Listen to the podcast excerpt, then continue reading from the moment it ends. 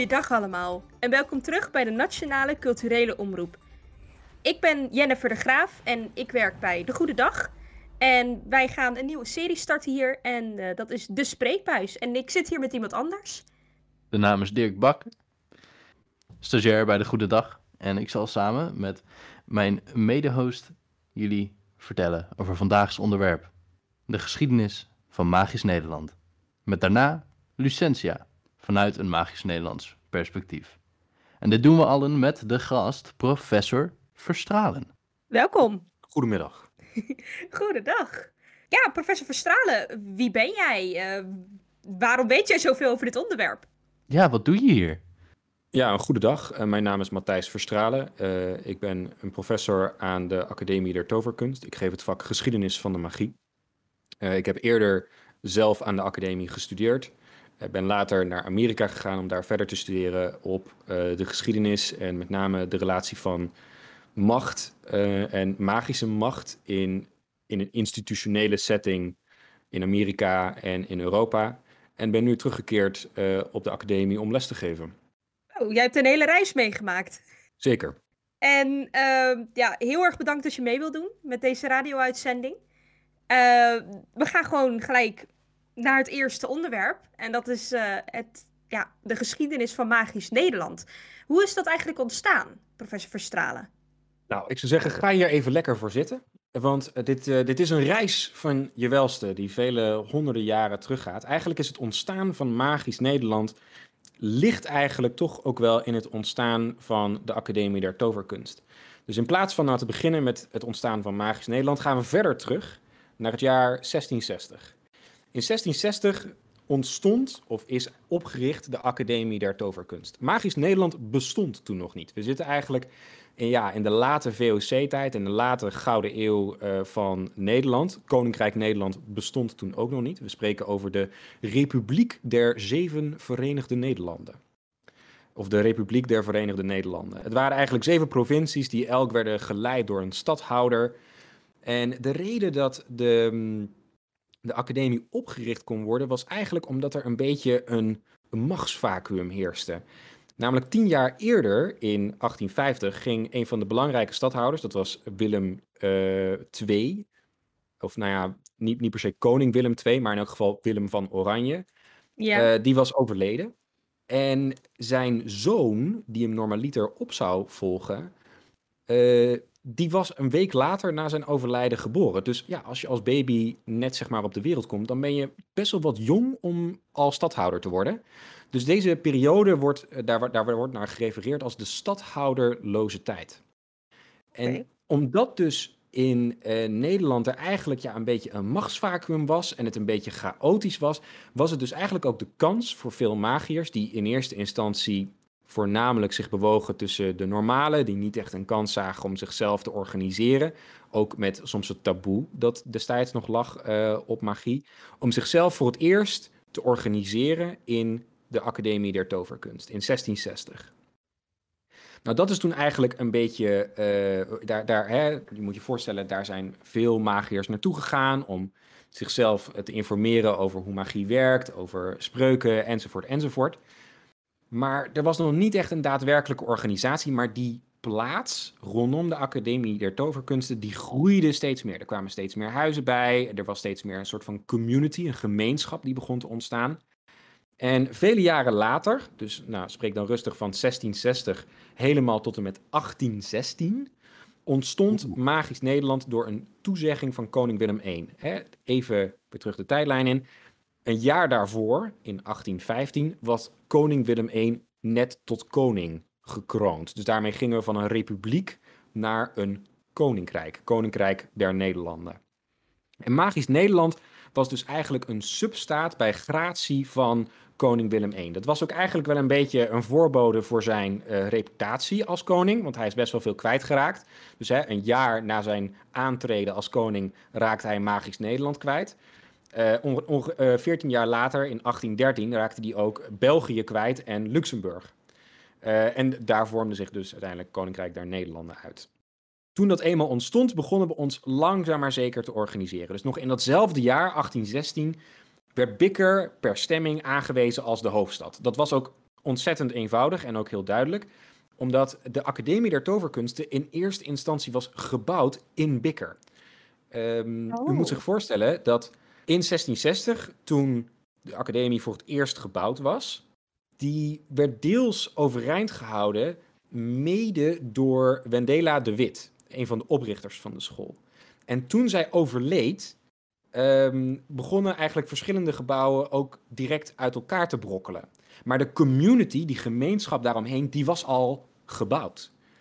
Dus, dus er waren eigenlijk al huizen, er, waren eigenlijk, er was eigenlijk al een gemeenschap. Dus wat besloten werd is om die gemeenschap in stand te houden. En om de Academie der Toverkunst eh, elders daar vlak naast of op enige afstand verder eh, op, opnieuw op te bouwen. En daar staat de Academie vandaag de dag nog steeds. Dus die community, die bestond nog en die leefde nog steeds. En daardoor was eigenlijk die stemming voor Bikker als, als hoofdstad vrij eenvoudig. En daarmee kreeg Bikker ook als eerste stadsrechten. Nou, eh, dus zo ontstond eigenlijk Magisch Nederland, heel eenvoudig. En Bikker, twee jaar later in 1816 werden ze aangewezen als hoofdstad. Maar 1818 kwam de eerste stemming, dus dat is wel twee jaar later, over alle ingeschreven inwoners boven de 16, mannen en vrouwen. Eh, dus het vrouwenkiesrecht was al iets eerder geregeld in Magisch Nederland dan in eh, het Koninkrijk der Nederlanden. Ja, En- beter. Goed om te horen. In, ja, dus het, was, het was ook, ze hadden vrij weinig keus. Want er waren nogal weinig magiërs, omdat er zijn min, gewoon minder magiërs dan normale. Dat is een gegeven feit. Maar in die tijd, ja, je, je kon niet eh, makkelijk en snel reizen. Hè, het- het- je moest gewoon een paard regelen en een, een lange maandelijkse tocht maken als je van het ene land naar het andere land wilde. Dus Hmm. het was ook eerder een soort noodzaak, hè, omdat er gewoon te veel posities waren die, die alle mannen konden die niet vullen Ja, en precies. gezien het feit dat ook ja, vrouwen eh, zich, zich al vrij snel toespitsten op, op bijvoorbeeld genezing, maar ook op heel veel andere gebieden, ja, begonnen zij eigenlijk al vrij snel voor zichzelf een stem op te eisen en ook te eisen dat ze iets in de melk te brokkelen hadden. Dus het, het was haast uit noodzaak dan uit een soort moreel, eh, moreel standpunt, zou je bijna kunnen zeggen. En ja, in dat jaar, in alleen dat- maar beter. ja, en in dat jaar 1818 werd dus ook het eerste parlement eh, gevormd, die destijds bestond uit 20 raadsleden. Zo. Maar dat is, je zegt even in het kort eh, deze geschiedenis, maar het is eh, al een hele hap vol. Ja, nou, ja ik, we hebben nog een hele rit te gaan van 1818 tot en met nu. Eh, maar ik dacht, laten we hiermee beginnen met het ontstaan. Ja, ik ben alleen maar blij dat wij als Nederland, eh, magisch Nederland, al hebben kunnen zien ja, de belangrijkheid van de vrouw. Qua ja, hoe, Ja. hoe progressief wij daarin wel niet zijn. En over het algemeen, de noodzaak van het stemrecht is ook handig, altijd. Ja, dat werd, Ja, en ook, ook dus met name dat het direct boven de 16 was. Dat is wel heel bijzonder, omdat je meestal ziet dat de eerste democratieën in ja, de, de, de menselijke geschiedenis, hè, daar, daar is een stemrecht, maar dat geldt in eerste instantie alleen voor mannen en alleen voor mannen die belasting betalen. Dus alleen ja, rijke mannen, om het zo maar te zeggen. En eigenlijk zie je dat over, over, alle, eh, over alle democratieën heen, als je kijkt naar die geschiedenis, dan is dat eerst van ja, eh, eh, het mannelijk betaald kiesrecht is dat overgegaan naar het mannelijk kiesrecht. Dus alle mannen, eh, of je nou rijk of arm bent, die hebben stemrecht. En later de universele suffrage, dus ook het, het vrouwenkiesrecht. En wij hebben eigenlijk al die stappen direct overgeslagen. En dat is, dat is wel iets waar we op zich trots op eh, mogen zijn. Ja, absoluut. Efficiëntie, altijd goed, altijd goed. En ik, ik merk ook dat als, als ik je dit, ja, dit verhaal aan mij vertelt, dat ik dan ook denk van heel Nederland was in rep en roer. Want eh, ja, tijdje daarna, wat je ook vertelde, was België en Luxemburg werd ook eh, gescheiden van Nederland. En wij gingen eigenlijk heel erg goed in die tijd. Wij, wij kregen een groep en we leerden elkaar kennen. En dat, ja, Ja, we werden een community. Ja, deels ligt dat natuurlijk ook dat we gewoon met een stuk minder waren. En dat het makkelijker was voor ons, als je, als je gewoon met minder mensen bent, om jezelf te organiseren. Al helemaal als je vlak bij elkaar woont. In dat opzicht dat het Koninkrijk der Nederlanden natuurlijk ja, een, een bepaalde chaos, eh, ook religieus gezien, natuurlijk tussen de Rooms-Katholieken en, en later de protestanten. Dat zal in eh, de ehm 1800, 1900 meer een rol gaan spelen, want uiteindelijk komt daar ook de verzuiling uit voort. Al die problemen hadden wij echt niet. Dus dat was ook ja, een, een, een belangrijke factor waardoor wij ons eigenlijk zelf vrij snel konden organiseren. Ook later, dan als je kijkt, hè, dus je, hebt, je bent 1818 heb je gehad. Ja, Eh, in 1840 eh, wordt de eerste, worden de eerste hospitalen gebouwd door de staat. eh, in 1823, dus dat is iets terug, een, vijf jaar na die eerste parlementsverkiezing, wordt die 20 raadsleden worden opgehoogd naar 50 raadsleden. Dus je ziet dat we dan al aan het groeien zijn, dat we meer moeten organiseren, dat er meer aandacht nodig is uh, om dat te doen. En uiteindelijk in 1870, dus dat is pak een beet 50 jaar na die eerste stemming, wordt de 50.000ste inwoner ingeschreven in Magisch Nederland. Dus we zijn eigenlijk best wel snel gegroeid uh, over, over die geschiedenis heen. Ja, precies. Van een paar huizen om een afbrokkelend uh, studentengebouw naar uh, 50.000? Nou nee, precies. Dat is dus heel indrukwekkend. En vrij snel daarna, dus na 1870 met die, die 50ste, de 50.000ste inwoner, in 1875 begon onze gouden 40. Onze eigenlijk, ja, onze gouden jaren.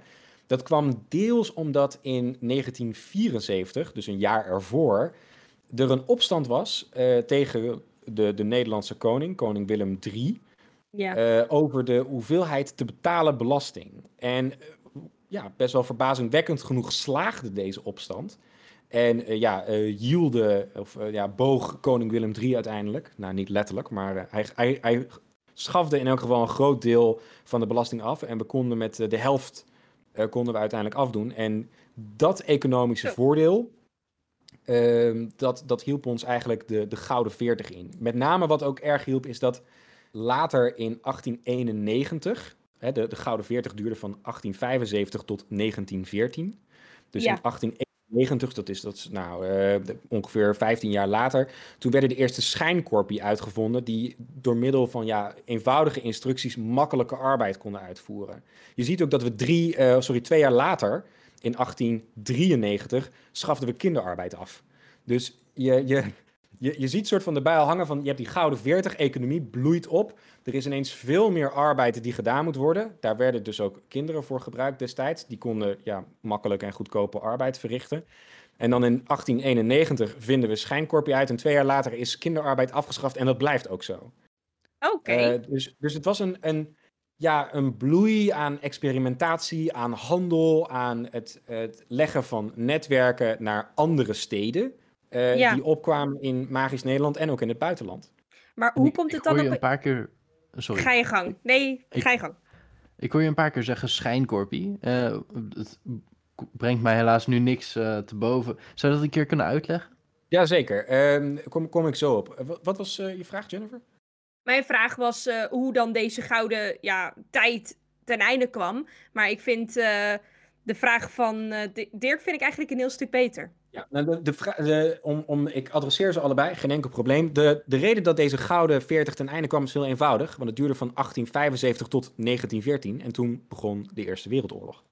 Oh ja, Eh, natuurlijk. dus dat, dat eh, beschadigde natuurlijk eh, ja, die, die vrijheid van handel, vrijheid van reizen behoorlijk.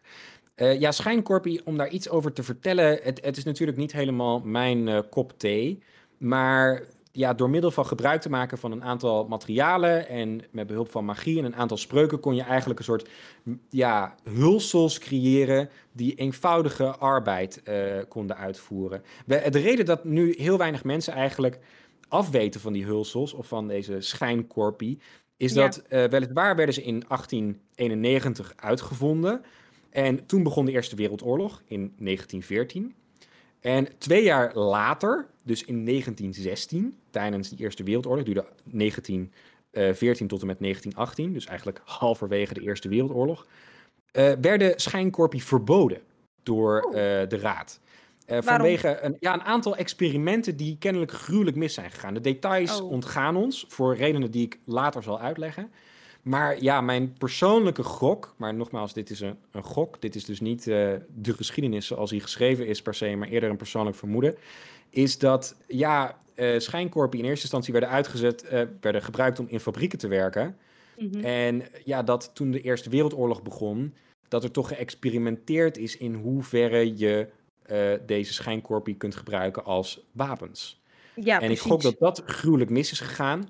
En dat toen eh, de staat van Magisch Nederland ze eigenlijk halverwege de oorlog eh, verboden heeft. En sindsdien zie je ze dus eigenlijk niet meer. Het was sowieso al ontzettend lastig om bij de start van de Eerste Wereldoorlog schijnkorpie te maken. Omdat eh, een belangrijk materiaal dat je nodig hebt voor die schijnkorpie is extensium. En vanwege die Eerste Wereldoorlog en dus het feit dat je nauwelijks nog kon handelen, was Extensium in een enorm tekort. Dus je kon eigenlijk Oh. nauwelijks nieuwe schijnkorpie maken. De, de hoeveelheid die je had werd steeds minder. Eh, ja, dus je zou eigenlijk bijna denken, daar moet eh, het verbod op kinderarbeid onder druk hebben gestaan. Maar we hebben daar wel aan vastgehouden aan dat verbod. Maar schijnkorpie verdwenen na 1816. Nou, ik ben tenminste wel blij dat we. Ja, Ja, dat we, ja, ik ben blij dat we een soort van gedachtegang hadden van die kinderarbeid, die laten we dan ook gewoon weg. Want je, je kan ook dan opeens weer terug in de tijd gaan. En dan gewoon zeggen, dan moet dat maar weer terugkomen. Omdat je dan Hmm. iets verliest wat je wel wil hebben. En ik ben wel trots dat we dat dan inderdaad niet hebben gedaan. Ja, nee, absoluut. En er, er, is, ook, er is ook wel een ander, ehm, hè, na de Eerste Wereldoorlog van 1914 tot 1918, is er ook wel ja, een, een goed argument te maken dat wij als Magisch Nederland aan de juiste kant van de geschiedenis hebben gestaan. In de zin dat hè, toen eh, Duitsland eh, de oorlog verloor, is dat eigenlijk voornamelijk opgedeeld in allerlei stukken. Met als reden Ja. Duitsland moet nooit, moet nooit meer eh, zo'n oorlog kunnen ontketenen. Dus daar is ook, er zijn heel veel, hè, dat, dat verdrag, er staan allerlei vereisten in, het verdrag van Versailles.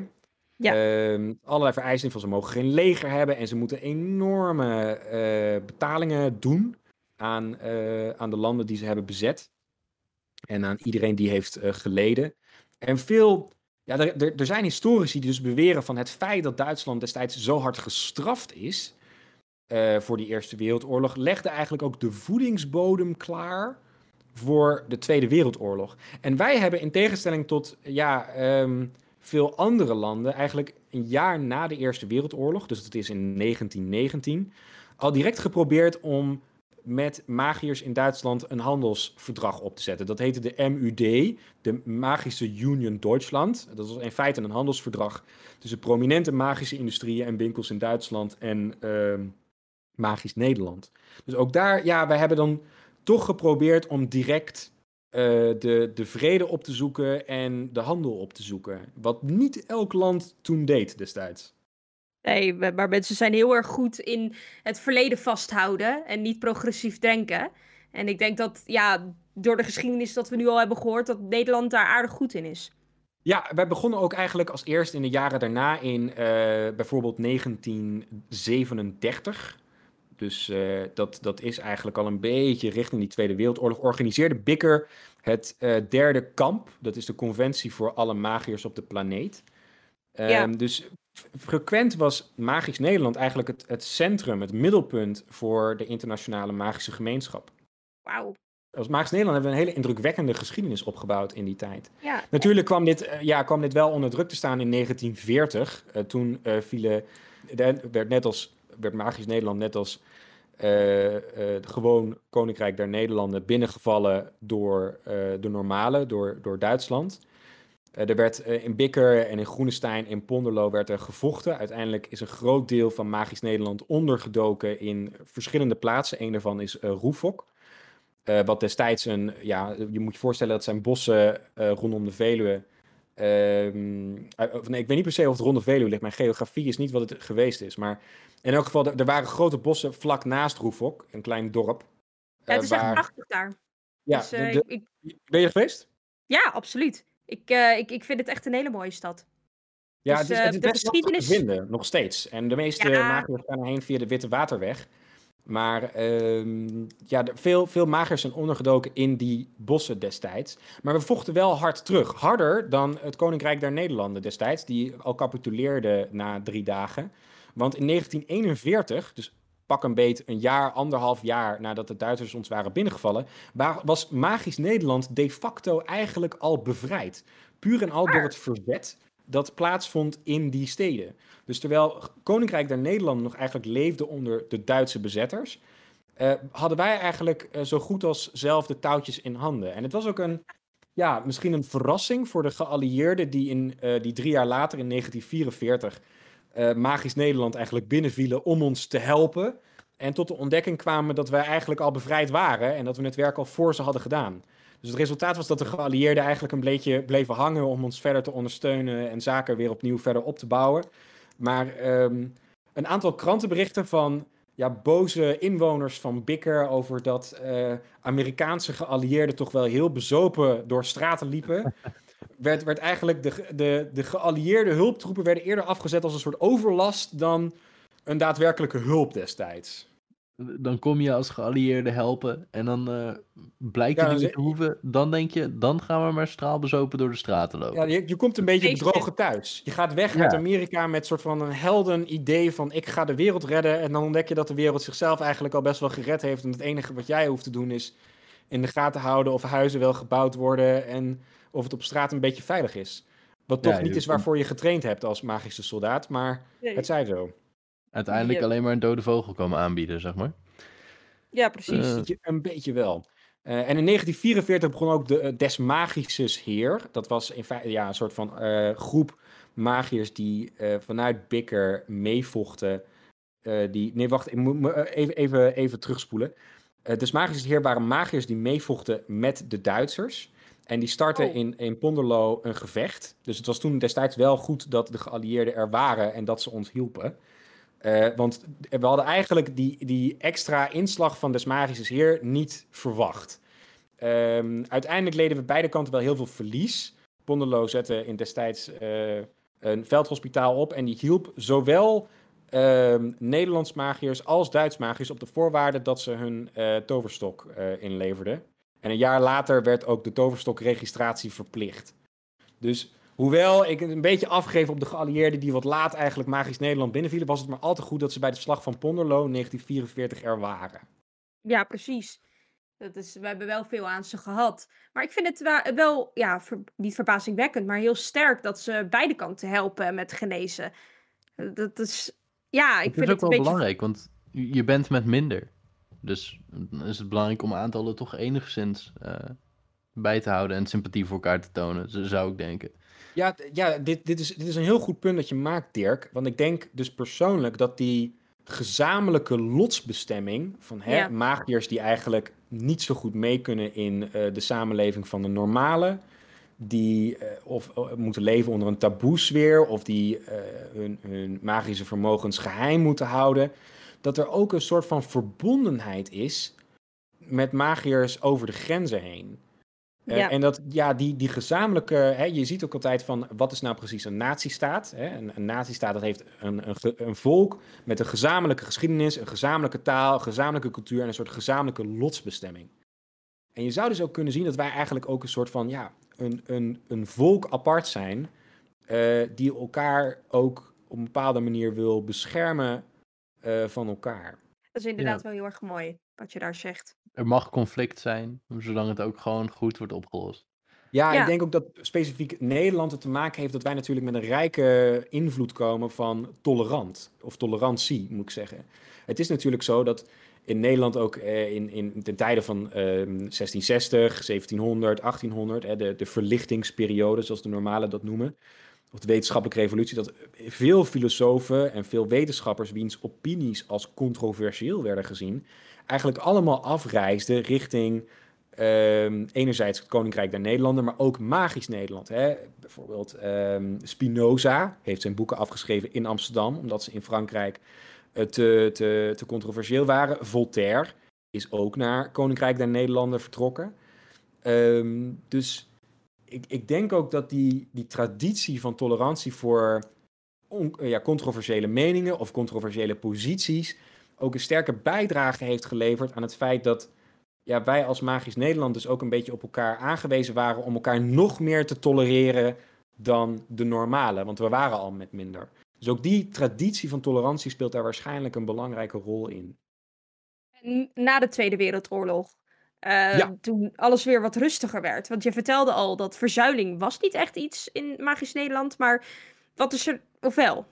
Na de, de verzuiling was wel een stuk minder aanwezig, omdat je zou kunnen zeggen dat Magisch Nederland eigenlijk een, verzuil, een, een zuil op zich was. ja, Ehm, dat is waar. Hè, je, je had natuurlijk weinig mensen die woonden op, over, over meerdere steden. Die hielden vrij goed contact met elkaar. Er waren eigenlijk niet zoveel kranten. Eh, de hoeveelheid hè, kijk, al- als je een- bijvoorbeeld een bedrijf begon, bijvoorbeeld je ging toverstokken verkopen, ik noem maar wat, dan was het eigenlijk wel in jouw belang om alle magiërs te vriend te houden. En niet om te zeggen, nou, ik ga magiërs van die tak, die voorkom ik wel als klant. Eh, en eh, de magiërs van die tak, die verwelkom ik niet als klant, want dan is je bedrijf niet langer solvabel. Dus nee, dat is waar. Je moest eigenlijk wel. En ja, het is, het is natuurlijk zo dat tijdens de verzuiling had elke zeil soort van zijn eigen krant, zijn eigen bedrijven, zijn eigen vakbond, zijn eigen politieke partij, eh, zijn eigen eh, televisiekanaal later. Eh, technisch nou, gezien hadden wij ja, dat allemaal, ja, inderdaad. Dat, dat, ja, te- ja, en, Ja. en nou wij, wij, wij deden niet zo heel erg mee met televisie. Dat vonden we maar niks. Dat was maar ja, een no- normale uitvinding. We hadden wel kranten, maar dat waren er eigenlijk maar twee of drie. We hadden eigenlijk ook niet veel vermogen om er meer extra te drukken. Ehm, dus ja, wij, die, die verzuiling speelde een stuk minder een, een rol. En we waren eigenlijk veel meer geconcentreerd op zaken die speelden in en rondom Bikker. En die speelden in Magisch Nederland. Dus bijvoorbeeld eh, hè, in, 18, eh, sorry, in 1948, dus dat is drie jaar na de Tweede Wereldoorlog, eh, on- organiseerde Gouwberg de volgende kamp, hè, de Conventie voor alle Magiërs. Ja. In 1953 eh, was de waternoodsramp, maar ondanks dat er weinig Zeeuwse magiërs zijn, hebben ze wel ontzettend eh, belangrijke rol gespeeld in een verdere schade voorkomen van die watersnoodramp. In 1961 was er een democratisch eh, besluit om de verkiezingen nog maar eens in de vijf jaar te houden. Dat was deels gemotiveerd vanuit een strakkere organisatie, omdat je met vijfjarige verkiezingen ja, eigenlijk meer, je, kan, je kan meer gedaan krijgen in vijf jaar dan in vier jaar. En je hoeft dus ook minder snel soort van je zorgen te gaan maken over herverkiezingen. Dus je hebt langer tijd om beleid te beginnen en daarmee verder te experimenteren en verder te fine-tunen. In plaats van, en dat zie je vaak bij het Koninkrijk der Nederlanden, dat er beleid wordt geformeerd. En nog voordat het echt zeg maar, er goed, eh, goed uitziet, eh, is de volgende politieke partij alweer aan de macht. En dan wordt het, moet, het, moet het weer helemaal anders. ja. En het was ook een deels een cost efficiency besluit. Eh, dus vanaf 1961 is er nog maar eens in de vijf jaar verkiezingen. 1965 was wel een interessant jaar. Omdat, dat, dat vergeten veel mensen, is dat na de Tweede Wereldoorlog... ehm, dus, dat, dat, eh, hè, dus dat is met name na de Tweede Wereldoorlog in Magisch Nederland. Dus dat was in 1941, één, anderhalf Ja. jaar later. Ehm, wil, heb- zagen we de, de aanwezigheid van magiërs eh, binnen de normale samenleving als een potentieel gevaar. Ook omdat dat natuurlijk mogelijkerwijs in de oorlog een rol kan spelen. Dus in 1941 begon eh, Magisch Nederland verschillende missies om eigenlijk alle bewijzen van Magisch Nederland eh, te, te vernietigen. Dus hè, toen kwam eigenlijk die geheimhouding van Magisch Nederland echt op gang in 1941. Dus het is ook heel moeilijk voor ons historici om verder terug te kijken dan 1941, omdat er gewoon heel veel verloren is gegaan. Oh, Is dat dat dan ook waarom de, de schijnkorpjes zo moeilijk terug te vinden zijn? Ja, bij, ja dus van hoe die gemaakt zijn en welke, welke, welke experimenten er precies gedaan zijn gedurende de Eerste Wereldoorlog, dat, dat weten we niet exact, want het is eigenlijk allemaal verloren gegaan in de tijd. En dat was voor veel mensen toch aanpassen, want in 1965, enkele jaren eh, ja, toen, het, toen het alweer wat rustiger werd, na de Tweede Wereldoorlog, dus ongeveer 20 jaar later, voor eh, Koninkrijk der Nederland, 1945, ehm, was er een protest door een aantal jongeren in Magisch Nederland tegen deze geheimhouding. Maar ja, het, het, is, het is niet helemaal. Het is niet helemaal goed gegaan, om het zo maar te zeggen. Allereerst kwamen er heel weinig mensen op af op dat protest. Ze probeerden Ja. in normale kranten eh, artikelen te publiceren waarin ze eigenlijk onze geschiedenis uit de doeken deden. Veel van die artikelen zijn ofwel gecensureerd, ofwel de journalisten zijn, eh, zijn bij hun kraagvel gegrepen die er zich hiermee bezig hielden. eh, hun geheugen gewist en ervoor, ervoor gezorgd dat er te weinig eh, schade, dat er weinig schade zou zijn. En we weten van één journalist die in 1965 dus dat protest bijwoonde, dat hij een jaar later eh, pleegde die een aanslag en heeft hij drie mensen doodgeschoten en pak een beet 11, 12 mensen verwond. Dus Waarom? die man, ja, die, die man is gewoon helemaal gek geworden. Die, die is ook daarna zijn geheugen is gewist en is daarna vrolijk weer verder gegaan in de normale samenleving. Die man is gewoon gechoqueerd geraakt door het feit dat magisch Nederland bestond en dat magie echt was. Dus die man was gewoon helemaal van de leg. Eh, en ja, dat, dat bevestigde, hè, die gebeurtenis, die aanslag, die bevestigde ook wel dus een beetje die geheimhouding en dat dat dus terecht was. En dat de meeste normalen eigenlijk niet om konden gaan met dat besef. Dus sindsdien, sinds 1965, is er ook nauwelijks, zijn er nauwelijks protesten geweest eh, tegen deze geheimhouding.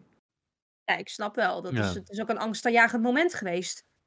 Een Ja, dat heeft een, diepe boodschap. indruk achtergelaten eh, eh, destijds, ook op de politiek. Want daar is, daar, daar is, als je nu nog de notulen nagaat uit die tijd, dan, eh, dan heeft dit, dit heeft wel een paar weken de kranten in bikker gedomineerd, zeg maar. Ja, precies. Dirk, wat wil jij zeggen?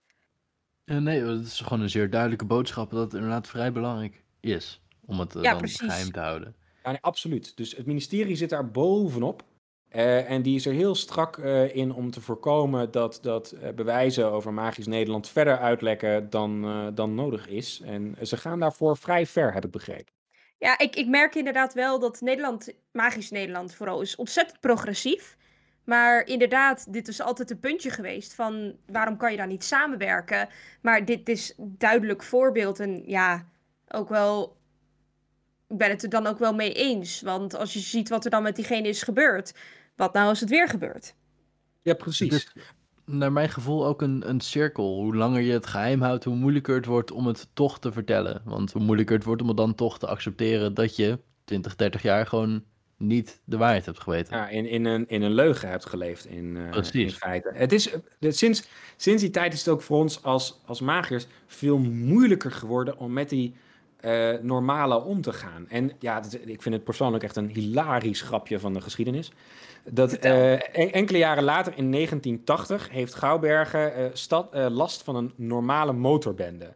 En die Hmm. motorbende die cross dus door de straten. En die maakt ontzettend veel lawaai. En Gouwbergen weet gewoon niet hoe ze daarmee om moeten gaan. Ze komen maar niet van die motorbende af. Ze hebben het op een vriendelijke manier geprobeerd. Ze hebben geprobeerd ze, ze de stad uit te jagen. Niets heeft gewerkt. Dus drie jaar later was Gouwbergen het zo zat dat ze ehm, de koning hebben gevraagd, de, dus de, de koning van eh, het Koninkrijk der Nederlanden, hè, de normale, hebben gevraagd om hulp. Nou, Sorry, de Nederlandse staat hebben ze gevraagd om hulp. In 1983, dus drie jaar later. Drie jaar hebben ze geleefd onder die motorbende. En de Oh, Nederlandse nee. staat zei, wij gaan akkoord, hè, we willen jullie best helpen. We sturen wel wat politieagenten die kant op om die motorbende daar weg te halen. Maar we willen wel de belasting verhogen die jullie aan ons betalen. Dus hè, eh, ongeveer 100 jaar eh, daarvoor, in 1874, 75, is, is Magisch Nederland in een brute opstand gekomen tegen Willem III voor de hoge belasting. Heeft met de vuist op tafel geslagen, opstand geslaagd. Willem III bukte voor ons. Eh, gaf ons eh, de helft eh, belastingkorting. En ruim 100 jaar later buigen wij voor een motorbende waar we niet mee kunnen omgaan. En dat we de Nederlandse staat om hulp moeten vragen. Ja, dat, Oh. daar, daar kan ik gewoon niet omheen. Nee, dat. kijk, subtiel is het niet. Dat, dat weten we in ieder Nee. geval. We hadden niet eens last in die tijd van een magische crisis. Ik, ik, ik vraag me nu wel echt af hoe ze dat hebben geprobeerd op te lossen. Het grote zwak van Magisch Nederland is motorbendes. Laat dat de geschiedschrijving duidelijk vertellen. Hè? We, we konden de Eerste Wereldoorlog hebben overleefd, de Tweede Wereldoorlog overleefd. We hebben dat allemaal zelfstandig kunnen doen. Maar een motorbende, daar hebben we de hulp van de Nederlandse staat voor nodig. Nou, Ja, dus dat, ja, dat is een grapje van de geschiedenis en dat, dat, eh, dat blijft zo. Precies. Heerlijk. Oh, hier kan ik wel echt van genieten. Nou, ik, eh, ik denk Ja, dat ja, iedereen en wij zelf ook heel even twee minuten pauze verdienen. ja, is Eh, dat betekent dat we even een kleine reclame erin gooien en eh, dan spreken we je zo weer verder. En dan Ja, gaan we en- het hebben over Lucentia. En genoegen. Ik, eh, ik zie u dan. Tot snel. De tijd is weer nabij. De colleges gaan weer beginnen en daar horen ook tentamens bij. Begin jij ook altijd te laat met leren? Moet jij voor elk tentamen de nacht doorhalen, maar val je dan in slaap wanneer het zover is? Bij Donkerwoud hebben wij daar een oplossing voor. Nachtwaken. Hier komt jij de nacht mee door. Geen dichtvallende ogen meer. Niet meer in slaap vallen op je papieren. Voeg het poeder toe aan je favoriete drankje en gaan. Wat zit daar dan in? Het is Donkerwouds magische melange van onder andere nachtwegen gemixt met schemerwaken. Nu te koop bij Donkerwoud, onder andere in Bikker. Bijwerkingen zijn die productiviteit, slapeloosheid, Donkerwoud is niet aansprakelijk bij misbruik van de producten. Welkom terug. Wat gaan die reclames toch ook altijd snel? Volgende onderwerp: Lucentia. Professor Verstralen, wat kan je me hierover vertellen?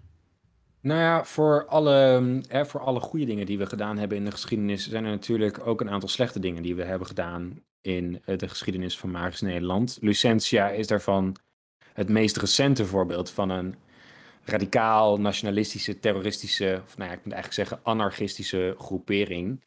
Ja, Lucentia is eigenlijk een, een in beginsel lastig te duiden groep. Want en nogmaals, eh, voor alle goede dingen die we hebben gedaan in Magisch Nederland, zijn er ook zeker een aantal slechte dingen die we hebben gedaan. Als zijn in Magisch Nederland, een aantal zwarte pagina's in onze geschiedenis. En ja, de groepering die zichzelf Lucentia noemt, of die wij Lucentia zijn gaan noemen, is daarvan het meest recente voorbeeld van een groep magiërs die een duidelijke ja, anarchistische, extreme, uh, radicale inslag heeft.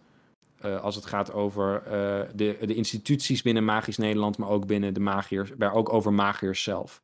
Het is een groepering die eigenlijk begon in 2004 en een jaar later zijn ze in 2005 eigenlijk publiek gegaan. Hun slogan was breek het systeem. Oh, en ja, een gebroken schakel was, was destijds het logo. Nou ja, dat zegt al wel best wel veel als je slogan breek het systeem is. Uh, het is. Het is duidelijk, je ziet het wel vaker bij soort van anarchistische groeperingen. Want vaak hebben ze... Kijk, vaak bij die anarchistische groeperingen, wat je vaak ziet, is er is een intrinsieke onvrede over het systeem, hè, over hoe iets werkt. En er zijn natuurlijk wel meer mensen die onvredes hebben over een systeem of over instituties en hoe die werken. Maar vaak is de eerste insteek dan van, nou, als een systeem niet werkt, dan gaan we dat veranderen. Dan gaan we dat op een manier insteken waarop het wel werkt. En wat je vaak ziet bij die extreme groeperingen is dat ze zeggen, ja, maar die veranderingen die werken ook niet. Het systeem moet eerst volledig afgebrand worden. Het moet eerst volledig gesloopt worden, zodat uit de as van dat oude systeem een soort nieuwe Phoenix kan herrijzen. En wat die nieuwe Phoenix dan precies is, uh, daar wordt het vaak, uh, wordt vaak heel vaag over gedaan van ja, een systeem wat eerlijker is of een systeem wat anders is. Maar ja, wat het nou precies is, dat kunnen ze vaak uh, ja, toch gewoon moeilijk of gewoon zelfs niet onder woorden brengen een soort uh, kwestie van uh, de as is altijd groener aan de overkant, zeg maar. Ja, een, een beetje wel. En in 2005 uh, eh, gingen, ze, ja, gingen ze voor het eerst publiek en niemand nam ze toen echt heel serieus. Men zag ze gewoon als een ja, groepje hippies. of ja, de, de, de, de onrendabelen van de samenleving die elkaar zeg maar gevonden hebben op een bepaalde manier. maar in 2009 begon zeg maar de, de, de echte ellende. Uh, nou, het begon ook, begon ook wel eerder, in, bijvoorbeeld in 2005. Uh, eh, hè, dus toen ze al publiek waren gegaan, zijn er drie huizen uh, in brand gestoken. Maar destijds wisten we niet dat Lucentia daarachter zat. Die noemde zichzelf toen nog het Verbond. Dat is een andere naam die ze zichzelf Ze waren dan niet echt duidelijk met hun, de dingen die ze over wouden brengen. Nee, dus, ja. dus we wisten destijds al niet dat Lucentia daarachter zat. Dus was er ook niet echt een reden om actief in actie te komen. En dat veranderde in 2009, 2010. In 2009 was er een, uh, een gezamenlijke aanslag op Beatrix, de raadsheer en de minister-president op, uh, op Koninginnedag in uh, oh. het Koninkrijk der Nederlanden. Maar misschien nog relevanter en wat, wat ook ja, bij ons als Magisch Nederland een zware indruk heeft achtergelaten, is dat in 2010, een jaar later, verschillende radicale magiërs zich verenigden, ook uit dat verbond eigenlijk, tot de groep Lucentia. En een aantal van die Lucentia-leden zijn toen het stadhuis van Bikker uh, binnengevallen terwijl koningin Beatrix op bezoek was. En daar opende dus eigenlijk publiek uh, de aanval. Uh, maar gelukkig kwamen de koningin, de burgemeester en de minister-president en raadsheer, die kwamen wel veilig weg. Maar um, daar, daar, dat, was, dat was het moment waarop ze serieuzer actief en radicaler en extremer actief in hun aanslagen waren. Datzelfde jaar, in 2010 overigens, is um, Albrecht Merdu, die was toen net dat jaar gekozen, die gaf een speech. En tijdens die speech werd hij onderbroken door uh, de leider van um, uh, Lucentia. Destijds stelde hij zich voor als grote pier. Insiders uh, kennen hem als Joris Thyssen, een, uh, een young and upcoming politician die eigenlijk in 2004, 2005 van de radar verdween. Wat hem nou precies gemotiveerd heeft om zo te radicaliseren, juist omdat hij ook een hele, ja, juist een hele diplomatiek ogende man leek te zijn. Uh, dat, dat is een groot raadsel, dat weet niemand. En we kunnen het ook niet aan hem vragen, want uh, in 2010, na die onderbreking van die speeches, de, echt de, de grote jacht ingezet op Grote Pier. We hadden nu een gezicht ook bij deze groep. We hadden dus ook een leider bij deze groep. Eh, en die achtervolging die wordt ingezet. En eh, we vinden een, een reëel aantal van deze Lucentia-leden. Die worden ook gevangen gezet, maar Grote Pier ontkomt. Maar dankzij een reeks van maatregelen die eh, door Albrecht Merdu, de Partij voor Meer Magie, werd genomen. Zoals bijvoorbeeld ehm, het verklaren van Lucentia als gevaarlijk in 2010. Eh, ook openlijke ehm, onderzoeken en eh, eigenlijk ja, jachten op leden van Lucentia. Ehm, deze een deze aanslag. klopjachten leveren rustig 40 arrestaties op. Dus dat is een best wel succesvolle, succesvol onderzoek geweest door eh, de magische politie. Mm, en in 2011, dus een jaar later, werd de wet over de zichtbaarheid van de laatste spreuk van een toverstok aangenomen. Dus dat hielp ook enorm, waardoor er weer iets van 15 à 20 eh, arrestaties eh, van Lucentia-leden werd gedaan. En in, drie jaar later, in 2014, vonden we Grote Pier en is hij per direct eh, gevangen gezet. En is het niet mogelijk voor de media of voor gewone personen zoals u en mij om met hem te communiceren. Dus ja, wat hem gemotiveerd heeft om zo te radicaliseren, daar moet iets ja, met die man gebeurd zijn of zo. Of die, die heeft een. Ja, die is helemaal afgekleden, zeg maar. En dat zie je wel vaker, hè? Dat mensen een soort van heel succesvol lijken te worden. En dan ineens een, een val naar het diepe maken en een ware aard naar boven komt drijven. Ja, precies. En eh, is het, het- gewoon iets. Nee, daarom. En het zegt ook wel wat dat hij niet in de publiek wordt getoond. Dat, daar is denk ik ook gewoon wel wat mentaal mis. Voor mijn gevoel dan. Ja, nee, absoluut. Maar ja, die, die Lucentia-leden, die hebben het zichzelf ook eh, ja, gewoon heel erg, erg moeilijk gemaakt. Ze hebben eigenlijk nog geprobeerd na 2014, hè, Grote Pier die was al gearresteerd, veroordeeld en eh, gevangen gezet. Ehm, werd in 2015, dus de verkiezingen, eh, het jaar later, eh, werden, hebben een aantal leden van Lucentia geprobeerd stemhokken in te nemen om zo de verkiezing te voorkomen. Hè? Nogmaals, hun slogan, breek het systeem. Dus, hè, heel duidelijk dat ze dus proberen de democratie eigenlijk lam te leggen, zodat dat systeem instort. Eh, maar eh, ja, combatanten gaan erachteraan en die weten ze eigenlijk allemaal te arresteren. Dus en na die arrestaties en eigenlijk het volstrekte mislukken van die, die protestactie eh, en dus het verlies van hun leider is Lucentia in 2015 gaf zichzelf praktisch over met een statement. En sindsdien, ja, in de afgelopen zes jaar zijn er nauwelijks incidenten geweest met Lucentia. In elk geval geen noemenswaardige. Dus het is maar goed. Het, het is een, eh, hè, van, van echt een groep die in eerste instantie klein was, die niet serieus werd genomen, tot radicale, extreme aanslagen in 2009, 2010. Een, een sterke respons van Albrecht Mardu. Eh, en ja, en pak een beet, vier, vijf jaar later is deze, ja, je kan rustig een, een terroristische beweging noemen, praktisch volledig opgerold en uit de samenleving gehaald. Dat is, dat is wel een Ja. prestatie hoor, maar het heeft natuurlijk wel zijn schade achtergelaten. Nou, de reden dat wij hier natuurlijk om vragen is omdat er nu weer een soort van ja, een schreeuw uit de verte komt van allemaal eh, kanten over Lucentia. Wa- Wat is er nou mee gebeurd? En waarom komt die stem dan nu weer op? Is dat gewoon wat mensen die net iets te hard schreeuwen? Of moet, we hoeven ons geen zorgen te maken, of wel? Nee, we hoeven ons denk ik in mijn ogen ons geen zorgen te maken. Dit zijn de, de laatste krijgspogingen van een, eh, een langzaam overlijdende organisatie. Eh, elk jaar zie je wel weer dat ze, dat ze iets proberen of een statement uitbrengen of ja, iets roepen. Maar eh, in, in feite, kijk, hun, hun initiële idee van we leggen de democratie plat of we gaan het systeem omverwerpen, dat als gevaar is al lang geweken. Dus nou ja, hè, misschien eh, blokkeren ze een keer een weg. Nou, dan loop je eromheen. Of eh, na een uurtje worden ze opgerold door een aantal combatanten en sturen, worden ze weggestuurd. Ze zijn nu eerder een soort ja, nuisance, een, een overlastje.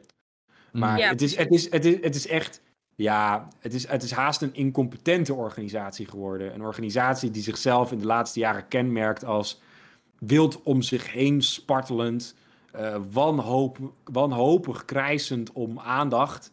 En ik snap natuurlijk wel dat mensen hè, zulke, zulke zaken aandacht geven. Het heeft ook een aantal jaar geleden een belangrijke rol gespeeld en een indruk achtergelaten. Maar nu hoef je het eigenlijk niet zo heel serieus meer te nemen. Dus ja, in, in conclusie, wat je hier nou eigenlijk ziet, is een wanhopig spartelende organisatie die om, het- om het jaar krijst om aandacht. En in plaats van dat je denkt van, nou ja, oh, dit is een redelijk gevaar, zie je mensen nu kijken van, oh, daar heb je ze weer. En, en even lachen, even grinniken om Mm. ja, deze, deze trieste figuren Eh, en daarna ga je weer verder met je leven. Dus hè, een idee, dat kan je niet uitroeien, zoals ik al zei. Maar ja, dit, hoef je, dit, dit gevaar is wel geweken in mijn ogen. Dus nu ik dit zo allemaal aanhoor, deze hele geschiedenis, is eigenlijk eh, een, beetje apart dat we momenteel dus... Eigenlijk zijn ze minder lastig dan die originele motorbende, waar we de staat voor hebben moeten inschakelen. Nou ja, het is, het is, ik denk dat het te maken heeft met een zekere professionalisering van eh, Hmm. Magisch Nederland. En ik denk ook natuurlijk dat ja, de- deze radicale groepering, die zich sowieso al richtte op Magisch Nederland en de democratische systemen rondom Magisch Nederland, eh, dat we daar wat beter voor equipped waren om daarmee Ja. te dealen. Hè, we, we konden die mensen oppakken, we konden die mensen in, in, eh, via ons rechtssysteem veroordelen, eh, in onze gevangenissen zetten, via, op onze manier daarmee regelen. En die motorbenden, dat waren allemaal normale, weet je. Dus Mhm. ik snap ook wel dat we hier veel beter voor equipped waren om, eh, om hier op een bepaalde manier mee om te gaan. Maar ja, het feit dat ze dus nu weer in kranten verschijnen of dat mensen er nu weer over gaan praten, dat, je ziet het wel vaker met de media in Magisch Nederland. Nou ja, niet aanvallend bedoeld, maar als, er, als, er, als het even saai is, als er even niks spannends gebeurt, dan denk je, nou, even, even kijken wat Lucentia aan het doen is. En dan is er natuurlijk wel ergens een spartelpoging gaande en dan kan je daarover rapporteren. Is ook goed, moet ook gebeuren. Maar vaak zie ik een teken van eh, rust en orde in Magisch Nederland als er af en toe weer eens een artikel ergens verschijnt over Lucentia. Dus dat geeft me altijd een extra warm gevoel van binnen. En Dus Lucentia is eigenlijk in de krant meer een positief iets dan een negatief iets, is wat ik hier hoor. Ja, zo van geen nieuws is goed nieuws. Nou, ja, nieuws over Lucentia is meestal goed nieuws. Zo interpreteer ik het een beetje. Nou, dat, Nou. dat, dat stelt mij weer gerust in ieder geval. Ja, mij ook, zeker. En ik denk dat we allemaal heel erg geleerd hebben. Eh, ontzettend bedankt, professor Verstralen. Ik denk dat eh, uw studenten heel erg blij mogen zijn met eh, u als professor. Ja, dat is een geraden. Dus eh, het is een geweldig gesprek geweest wederom. En ik hoop Absoluut. u snel weer te spreken ook. Ja, en ik wil ook eh, de rest eh, van Nederland heel erg bedanken voor het luisteren. Ehm, dit was eh, ja, onze prachtige radioshow, eh De Spreekbuis. Volgende week gaan we over een ander onderwerp praten. Dus als je meer over wil horen, luister dan. Mag ik nog even iets tussendoor snel achteraan zeggen? Eh, aan mijn leerlingen die dit luisteren. dit is tentamenstof, dus ik hoop dat je notities hebt gemaakt. Want bij de eerstvolgende les word je erop getoetst. Fijn weekend verder. Doei! Geniet ervan.